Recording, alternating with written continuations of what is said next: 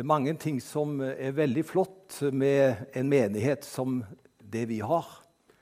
Og en av de tingene som er veldig flott, er at vi er så nær hverandre. Vi kjenner hverandre godt.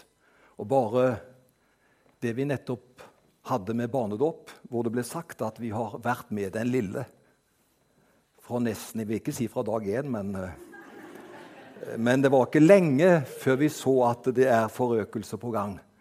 Og jeg tror jeg har spurt deg flere ganger hvordan går det Jeg er litt sliten etter hvert, sa hun, men det går bra. Og hun var med helt til slutt her, aktiv. Og så er vi med om dette i dag. Så nær er vi med hverandre at vi følger hverandre stadie for stadie. Så jeg syns dette er en av de store tingene med å tilhøre en menighet, og at vi er så nær hverandre. Så det er veldig bra.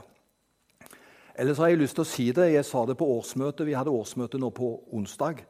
Og da sa jeg det der, og jeg må gjenta det nå. Jeg vil gratulere menigheten med byggeplaner. Nå er det blitt vedtatt.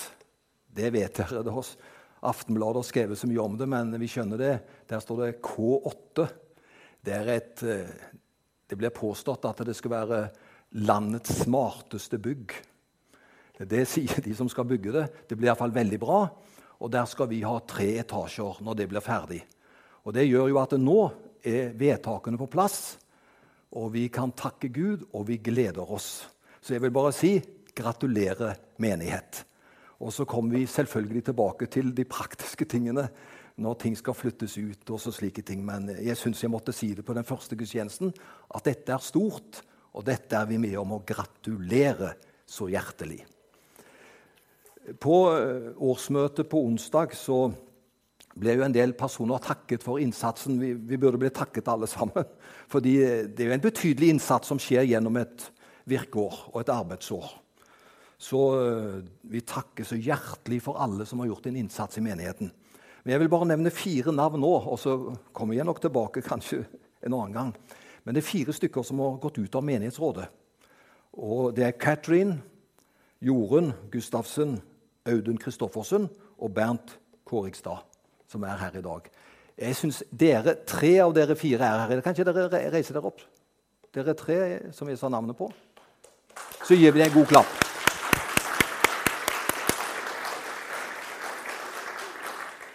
Takk for veldig god innsats. Da skal jeg begynne på min tale.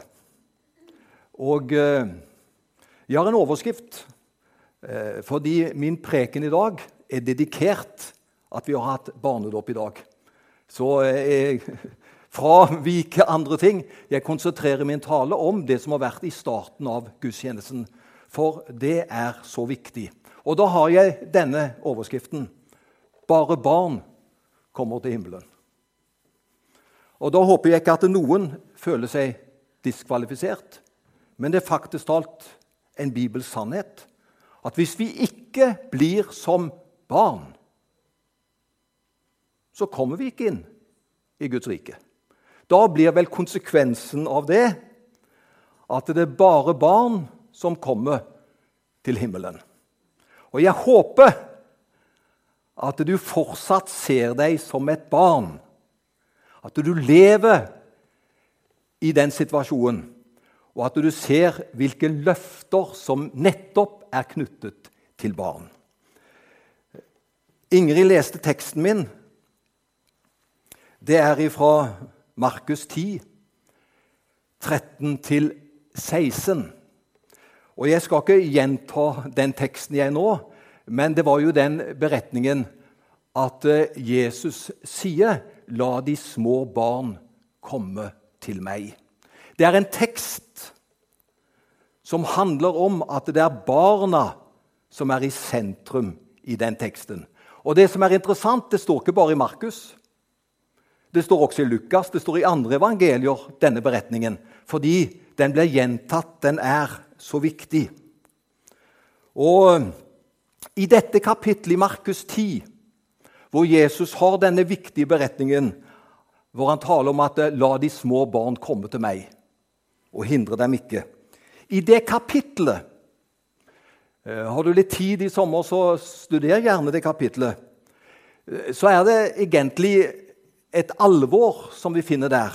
For i det kapitlet tar Jesus opp flere ganger hvor vanskelig det er å komme inn i Guds rike. Og det er slik at Jesus han forteller Viggo hadde dette med hva er sannhet, og sannhet må være sannhet for alle. Hvis det er en sannhet. Og Jesus han ønsker ikke å legge noe av sannheten under teppet eller skjule den i et salgsoppdrag for å få flest mulig med. Nei, Jesus han er bånn ærlig. Han forteller hva det er å være en Jesu efterfølger. Og så forteller han sannheten. Og i dette fantastiske kapittelet i Markus 10 så tar Jesus opp og nevner det er egentlig vanskelig å komme inn i Guds rike. Der snakker han bl.a. om den beretningen om den rike, unge mannen. Og Jeg tror det er sikkert litt sårt for Jesus å si det, for det var en fantastisk ung mann. Som hadde alt på stell. Men når det virkelig kom til efterfølgelse, så ville han gjøre det på sin måte. Og han blir avgjort, avvist. Og så sier han da Jesus hvor farlig det er å være opptatt av materiell rikdom. I det samme kapitlet taler han om lidelse. Og så irettesetter han iallfall et par av disiplene for at de er opptatt av belønning. Altså hvem er den største i ditt rike? Og to av de vil gjerne ha den plassen som en hedersplass. Altså De er opptatt av belønning. Og Jesus slår ned på det. Og så advarer Jesus, og det måtte være veldig fortvila for disiplene å høre, at det, for han sier det at det, det er like vanskelig for en rik å komme inn i Guds rike som det er for en kamel å gå gjennom et nålhull. Og Da er det at eh, det går virkelig opp for disiplene. Dette er tøft. Og så stiller de spørsmålet hvem kan da bli frelst? Er det nesten umulig å bli frelst? Og da er min første sats her i formiddag nei, det er ikke umulig. Det gjelder bare å ta imot på samme måte som den siste beretningen i dette kapitlet. Da leser vi om tiggeren Bartimeus. Og tiggeren Bartimeus han måtte tigge om alt. Det var ingen som regnet med han. Og Når han får høre at Jesus kommer på besøk, så setter han i og roper, 'Jesus, du Davids sønn, miskunn deg over meg.' Og da er det Kanskje de samme som vil sette barna på plass. Det vil si, det er farlig når vi setter barna på plass i den settingen hvor jeg snakker om i dag. For uh, her blir Bartimeus satt på plass. Du må ikke rope og holde på slikt. Du forstyrrer hele seremonien. Og da vet vi hva som skjer. Bartimeus han går rettferdig hjem til sitt hus. For det er én som ser han og vet om hans lengsel. Det er ikke umulig å bli, bli en kristen. Det er Bartimeus et fantastisk eksempel på.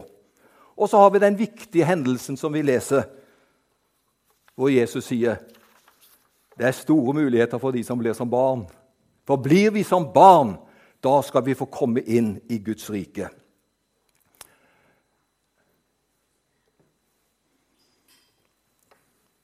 Barn får stadig høre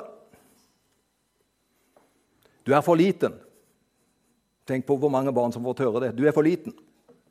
Eller du er ikke flink nok. Eller vent til du blir større.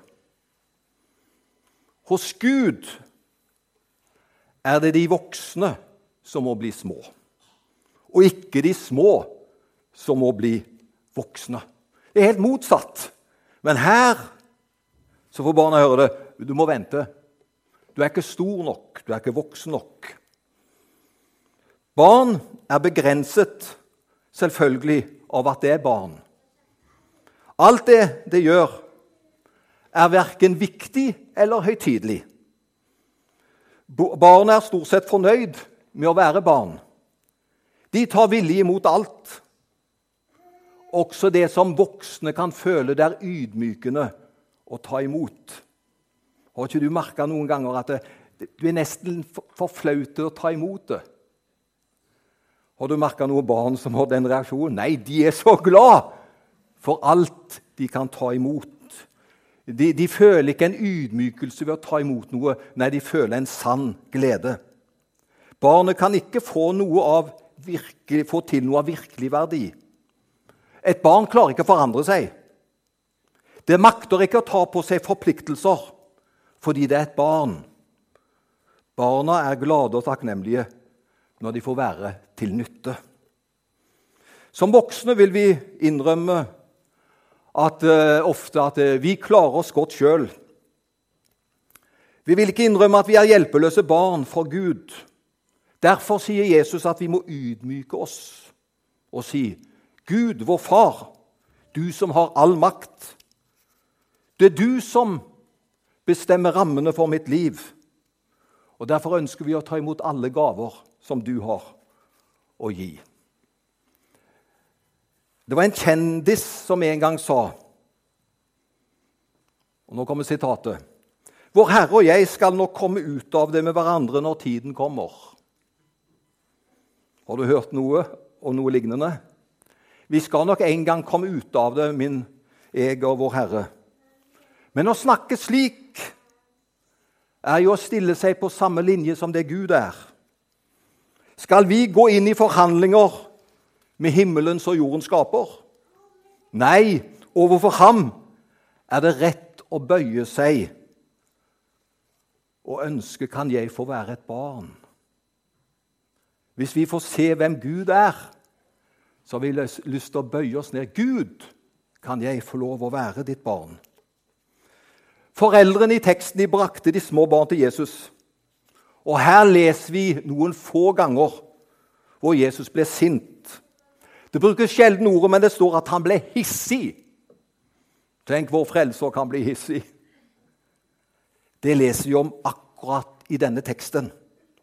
Og uviljen er rettet mot de voksne, nemlig disiplene, som ville stenge barna ute. Jesus ble sint til forsvar for barna. Guds rike er stengt for de store og stolte. Men den som vet seg selv at den er hjelpeløs, fattig og enfoldig, kommer inn. Det er ingen annen vei inn i Guds rike enn å få det gratis. Det er det som heter nåde.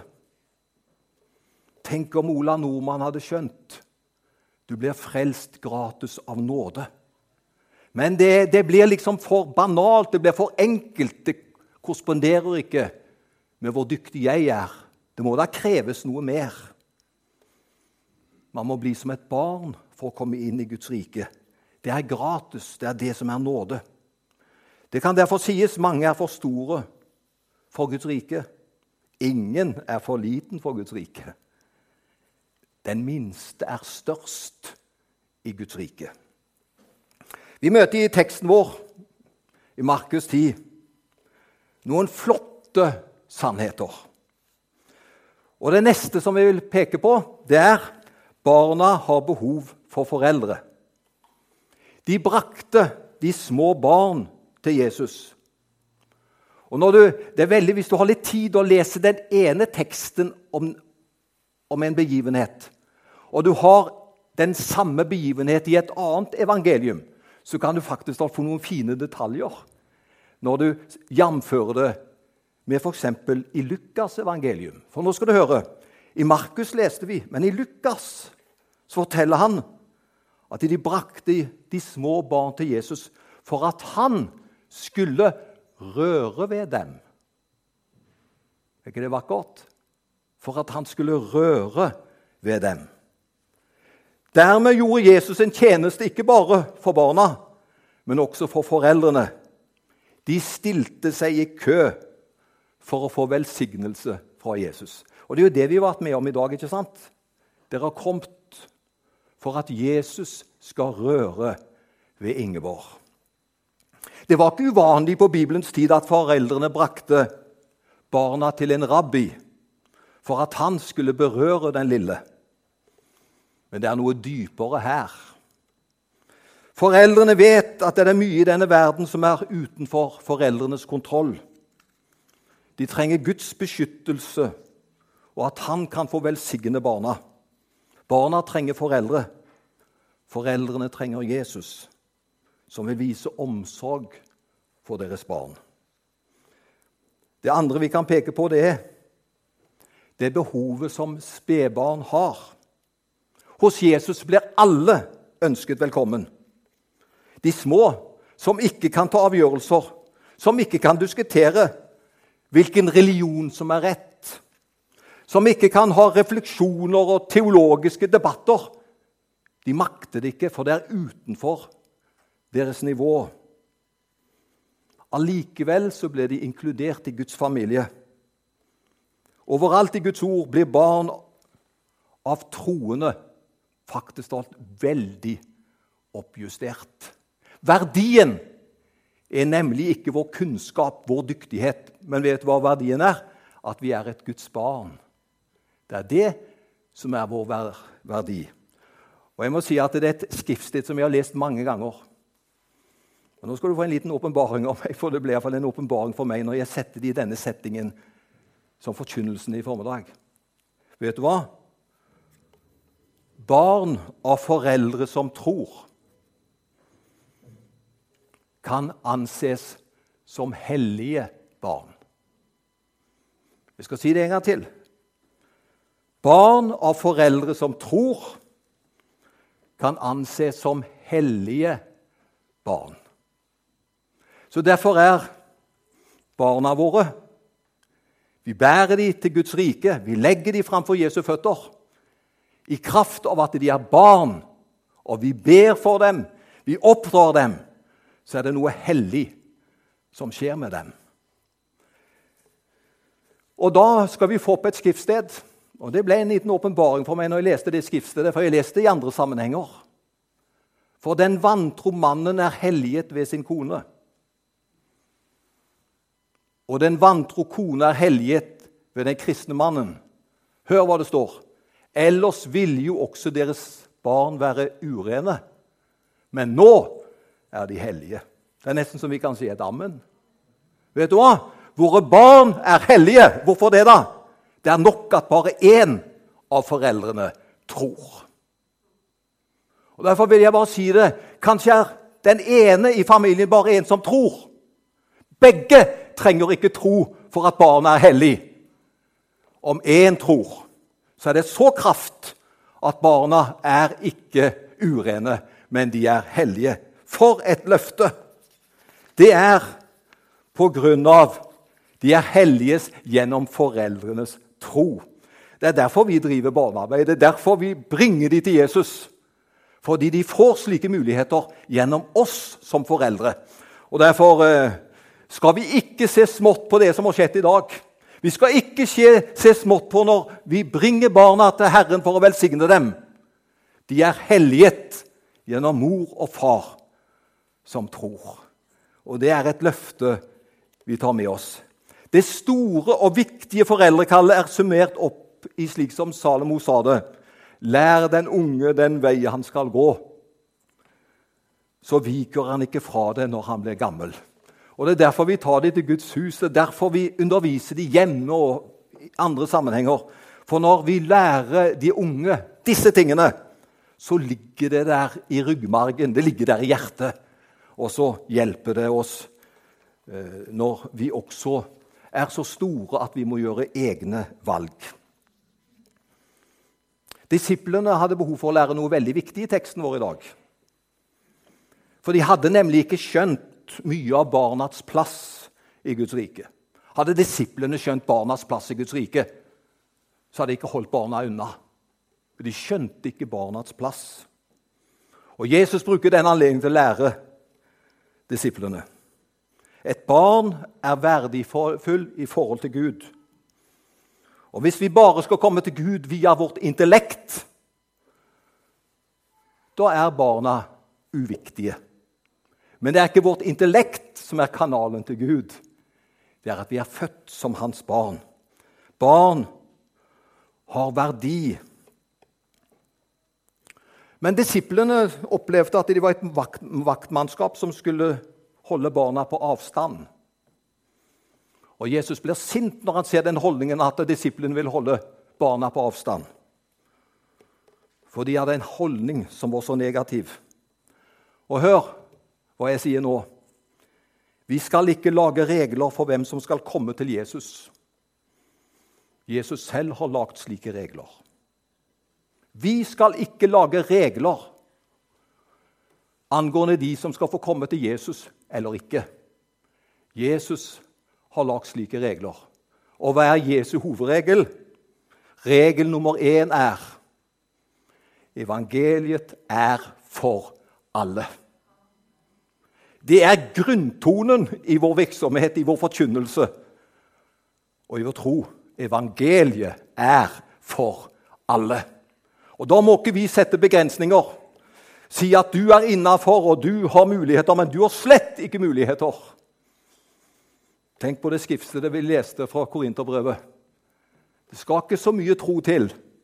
Én, så blir barna med på den vidunderlige reisen. Både her og ellers i evangeliene så ser vi at Jesus han står opp for de aller minste i samfunnet. Hvis vi tenker hvem er evangeliet for? Var det ikke de som fikk en særlig invitasjon til Guds rike? De som var små, de som ingen andre stilte opp for. Nettopp de var nær mesterens hjerte. Jesus han setter ting på plass. Her setter han holdningene til barna på plass at vi ikke skal hindre dem. Jeg kan ikke skryte på meg at jeg har lest mye av den forfatteren jeg skal sitere nå. Men den amerikanske forfatteren og forskeren Neil Postman har skrevet viktige bøker. Den mest berømte er 'Vi morer oss til døde', om farene ved det grenseløse underholdningssamfunnet. Postman, som selv ikke er troende, men en ikke ikke-praktiserende jøde, har også skrevet en bok om hør, den tapte barndommen. Han hevder at barna i dag vokser inn i de voktenes verden altfor fort. Derfor tittelen 'Den tapte barndom'. Det er ikke ei uke siden vi snakket om det hjemme. Hvorfor skal det barnet på ni år vite så mye om den voksnes verden? Vi må sørge for at barn får være barn, og at de ikke taper sin barndom ved at livet blir for alvorlig, for fort for dem. Han hevder, og nå skal du høre noe fantastisk som denne forfatteren hevder Han hevder at barndommen slik vi kjenner den i dag, ikke eksisterte før Jesus. Han er ikke en troende. Han er en ikke-praktiserende jøde, men han har lest mye. Og han har funnet ut at det vi kaller for barndom, det kjenner vi ikke til før Jesu tid. Han mener at barndom er et kristent begrep som for alvor kom inn i Vesten da Martin Luthers bibel på morsmålet ble publisert. Utenom Jesus og Bibelens lære var barna annenrangs individer, om ikke enda verre. Så Jesus han viste noe helt nytt for barna på hans tid, for ikke å snakke om før Jesu tid. De var langt, langt bak i køen. Den første kirke brøt ned menneskelige skiller det var revolusjonerende. Det ble et fellesskap som du ellers ikke fant i samfunnet på den tiden. Hør! Menn og kvinner kunne møtes fritt. Jøder og grekere, innfødte og fremmede, møttes på lik fot. Slaver og fri. Mann og kvinne hadde samme verdi. Den kristne forsamlingen skapte likhet. Les mer om det i brevene til Paulus, særlig Galaterbrevet. Så ser du hvordan evangeliet ble så revolusjonerende. Det satte alle på lik fot. I denne enhetsprosessen kan vi ta også med barna.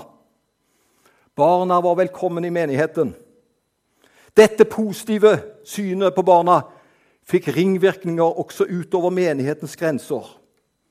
På denne tiden det er nesten fælt å si det, men det er vel stort sett bare voksne her. Fødselskontrollen på denne tid, hvor vi har teksten vår i dag Fødselskontrollen var dessverre at de, de barn som ikke familiene kunne klare å vise omsorg, og ble sett på som uønsket, de ble forlatt på gata. Det var den tidens fødselskontroll. Men fordi den kristne forsamling var beredt for å være vennlig mot barna, viste de kjærlighet og omsorg. De adopterte dem. Etter hvert bygget barnehjem osv. Derfor ser vi langt i vår tid hvordan den kristne menighet gjennom sosiale institusjoner de har vist omsorg. De har brutt seg om menneskene. Og noe av det vakreste i mine øyne det er når vi stiller opp for de minste små og tar vare på dem. Jeg husker første gangen jeg kom til Filippinene og Manila og fikk se alle gatebarna. De bodde under skur. De hadde ingen framtid. Det var de som hele sitt liv hadde vært på det de kalte for Søppelfjellet. Så var det ei dame fra Langesund som var 60 år, som hadde mista mannen sin. Alt gikk i grus for henne, for hele tryggheten gjennom mannen var vekke. Så sier Gud til henne en dag Vet du, Rakel Trovi, nå skal ikke du sørge lenger over at du har mista mannen din. Du har hatt et godt ekteskap.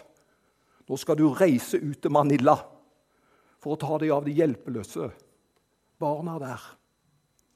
Hun har gjort et enestående arbeid. Hun lever fortsatt, har passert 90 år. Hun er jo ikke der ute nå lenger. Men det er dette som er Typisk for Guds menighet hvis vi har Guds hjertelag. Vi stiller opp for de minste små. Dette var det typiske for menigheten. Barndommen ble verdsatt. Jesus har oppvurdert og helliggjort barndommen. Vet du hva? Jesus har gjort barndommen til noe himmelsk. På den tiden så de første leveårene meningsløse og uviktige ut. Vet du hva? Jesus plasserer barneårene tett til Guds rike. Er ikke det flott? Han plasserer barneårene, barna, tett til Guds rike. Jesus tok barna i armene og velsignet dem. Han lot noe guddommelig, noe vakkert, komme inn i livet deres. Dermed gav han et løfte til alle som vil komme til ham som barn. Løftet er at hvis du kommer til ham som et barn, som hjelpeløs og helt avhengig av ham, vil du også bli løftet opp av din hjelpeløshet og bli velsignet i armene til en kjærlig Gud. Og Jeg vil avslutte med følgende Et barns ånd og hjerte og sjel er vårt fremste forbilde når vi tenker på et rett forhold til Gud. Og jeg vil bare si det før jeg går ned. Må ingen ta fra deg barnet. Må ingen ta fra deg barnesinnet, barnetryggheten. Og er det noen som har det, så er det vi. Fordi Gud er vår far. Og Gud velsigne oss. Jeg hører noen ganger si så hvordan skal det gå med den oppvoksende slekt? Verden er jo så ille. Ja, men Gud er enda større. Gud har kontrollen. Men vi skal stå skulder til skulder og i bønn og i arbeid. La de små barn komme til meg. Hindre dem ikke, for Guds rike hører sådanne til. Amen.